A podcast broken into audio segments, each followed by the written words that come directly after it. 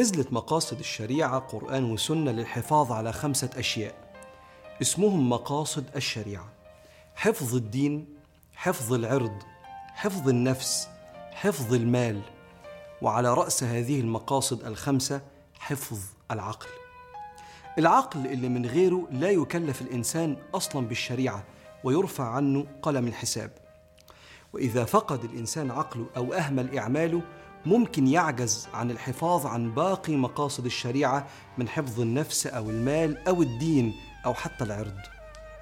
والغرض من الحفاظ على العقل هو حمايته من أجل القيام بوظيفته الأساسية وهي التفكير.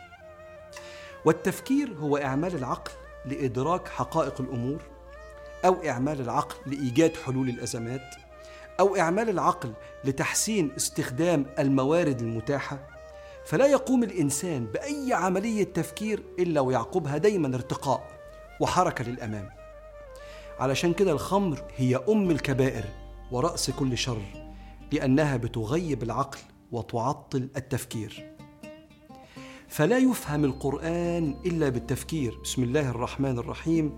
لقد أنزلنا إليكم كتابا فيه ذكركم. أفلا تعقلون؟ ولا ينتفع بالسنة إلا بالتفكير قال صلى الله عليه وآله وسلم رحم الله امرأ سمع مقالتي فوعاها. وعاها يعني فهم مراد الله من كلام رسول الله عليه الصلاة والسلام.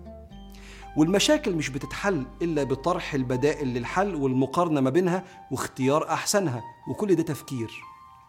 والإنسان مش بيعرف يطور من نفسه إلا بالتأمل في إمكانياته المتوفرة والمواهب الربانية اللي في شخصيته وإزاي يستغلها وكل ده تفكير.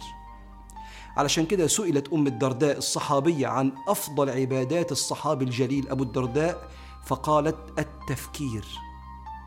وما أجمل الأثر الشريف أثر سيدنا عمر لما قال ما اكتسب رجل ما اكتسب مثل فضل عقل. يعني أحسن حاجة يكتسبها عقل راجح. ما اكتسب رجل ما اكتسب مثل فضل عقل. يهدي صاحبه إلى هدى أو يرده عن ردى عن هلاك يعني. وما تم إيمان عبد ولا استقام دينه حتى يكمل عقله. واخد بالك الصحابة تربية سيدنا رسول الله فاهمين منزلة العقل والتفكير إزاي؟ عشان كده لا يكتمل العقل. إلا بالعلم والتفكير ده اللي خلى أديب كبير زي عباس محمود العقاد يقول كلمته الخالدة واللي ألف عليها كتاب اسمه التفكير فريضة إسلامية ليه فريضة؟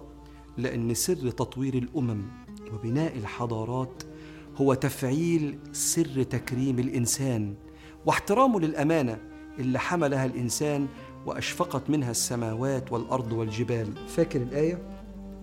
إنا عرضنا الأمانة على السماوات والأرض والجبال فأبين أن يحملنها وأشفقن منها وحملها الإنسان. أمانة العقل والتفكير والتخيير. وحملها الإنسان إنه كان ظلوما جهولا. ظلوما ظلم نفسه بعدم استثماره لهذا الكنز عقله. وجهولا لأنه جهل بحجم النفع اللي ممكن يعود عليه. بس لو فكر. ده اللي خلى الشاعر الإنجليزي أدموند سبنسر يقول إن العقل هو الذي يجعلك سليما أو مريضا تعيسا أو سعيدا غنيا أو فقيرا.